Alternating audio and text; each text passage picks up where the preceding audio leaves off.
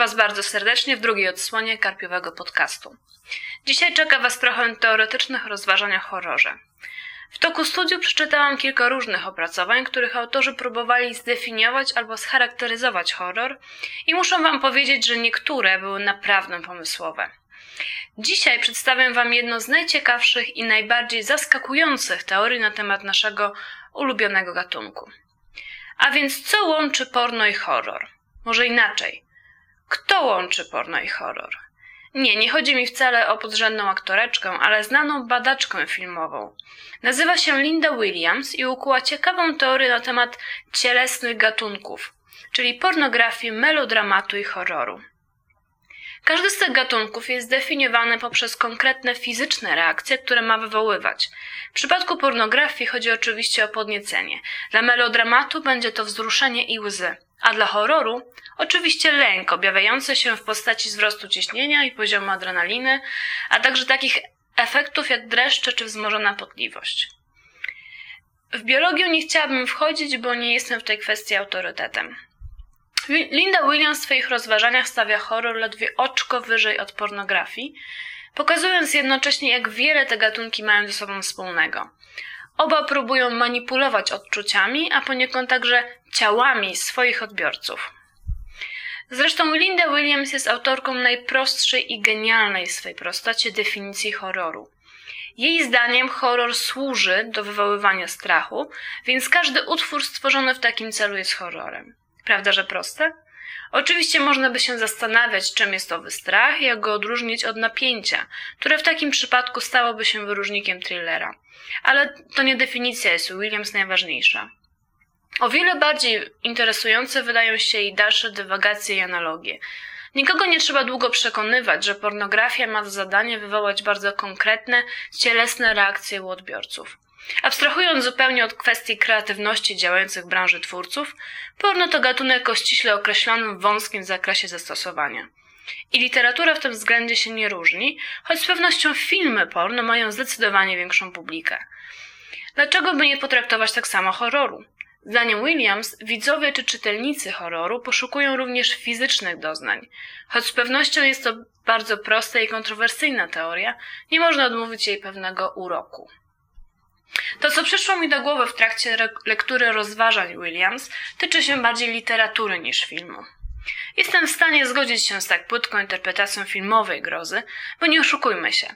W większości tego, co serwują nam filmowcy, nie chodzi o nic więcej. Ale wydaje mi się, że szczególnie w przypadku literatury należy zachować pewną gradację. Mnie zawsze bardziej przerażały filmy, więc gdybym w literaturze grozy szukała wyłącznie strachu, tej czysto fizycznej reakcji, rzuciłabym ją dla kina, a więc musi być coś więcej. Trudno zadumać się nad implikacjami naszej śmiertelności, gdy goni nas niedźwiedź grizzly. Z pomocą przychodzi literatura, która w znacznie większym stopniu niż film daje nam możliwość bezpiecznego przeżycia traumy i wyciągnięcia wniosków z wydarzeń, które gdyby miały miejsce w rzeczywistości, nie zostawiłyby zbyt wiele czasu na refleksję. Czemu literatura bardziej niż film?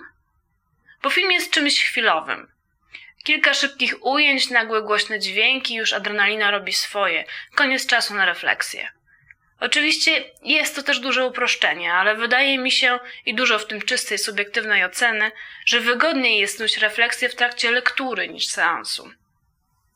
Zazwyczaj nie czytamy książki za jednym posiedzeniem, więc między jednym a drugim wieczorem poświęconym lekturze mamy dużo czasu na myślenie. Już słyszę, jak wielbiciel mainstreamu i kultury wysokiej śmieje się, jakież to górnolotne wnioski można wystuć z krwawej jadki Keczama czy Barkera.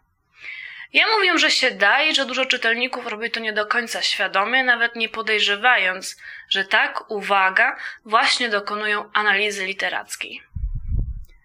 Wydaje mi się, że stąd wynika popularność utworów, które w znacznym stopniu opisują motywację czarnych charakterów. Film, zwłaszcza w hollywoodzkim wydaniu, zawsze bardziej sprzyjał prostemu podziałowi na dobrych i złych. Literatura grozy, a przynajmniej dobra literatura grozy, daje większe możliwości i pozwala eksplorować pewne niebezpieczne meandry moralności i winy, realizując tym samym nasze intelektualne potrzeby w sposób absolutnie niegroźny i bez wychodzenia z domu. Może właśnie przez to jest w stanie siać większy niepokój. Możemy wymyślać najbardziej okrutne zbrodnie, ale nie będą one w stanie nami poruszyć, o ile pozostaną po stronie złoczyńców. Jeśli naruszą w jakiś sposób tę magiczną granicę między dobrymi i złymi i na przykład zaczniemy rozumieć motywację mordercy, choć dalej dostrzegać w nim będziemy zło, jeśli do zła zmuszony będzie człowiek z gruntu dobry, albo jeśli pod wpływem dobrego thrillera, tudzież horroru zaczniemy kwestionować proste zasady moralne, z tej zwykłej rozrywki wykluje się coś więcej.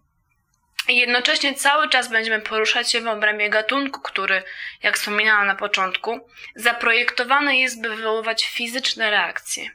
I właśnie ta fizyczność, wsparta refleksją, to siła tego gatunku. Przeczytajcie dobry horror, który oprócz krwawej jadki zaoferuje wam odrobinę psychologicznej głębi, a sami zobaczycie, jakie pokłady emocji w sobie odkryjecie. Te uczucia siedzą gdzieś głęboko w was i horror wyzwala je niczym sport ekstremalny przeżywany w domowym zaciszu. I w taki sposób drugi odcinek karpiowego podcastu zmienił się w reklamę literackiej grozy. I niech tak będzie. Co prawda nie wierzę, że akurat czytelników Carpe trzeba przekonywać, że warto sięgać po horrory, ale może skłonię was w ten sposób do bardziej dokładnego przyglądania się temu, co czytacie i jak to przeżywacie. Nie czujcie się winni, że czytacie o najgorszych wynaturzeniach. To tylko taka gimnastyka umysłu i oczyszczenie z negatywnych emocji. Kiedyś nawet chcieliśmy zrobić mini akcję społeczną o tytule Czytam horrory, nie jestem chory, ale jakoś zagubiła się wśród innych inicjatyw. A może szkoda, ludzie mogliby w ciekawy sposób zrobić mały coming out i otwarcie przyznać się, że raduje ich widok krwi i flaków. To wszystko na dzisiaj. Za tydzień zapraszam Was do Cyrku Umarłych, skąd twitterować będzie Joe Hill. Do usłyszenia.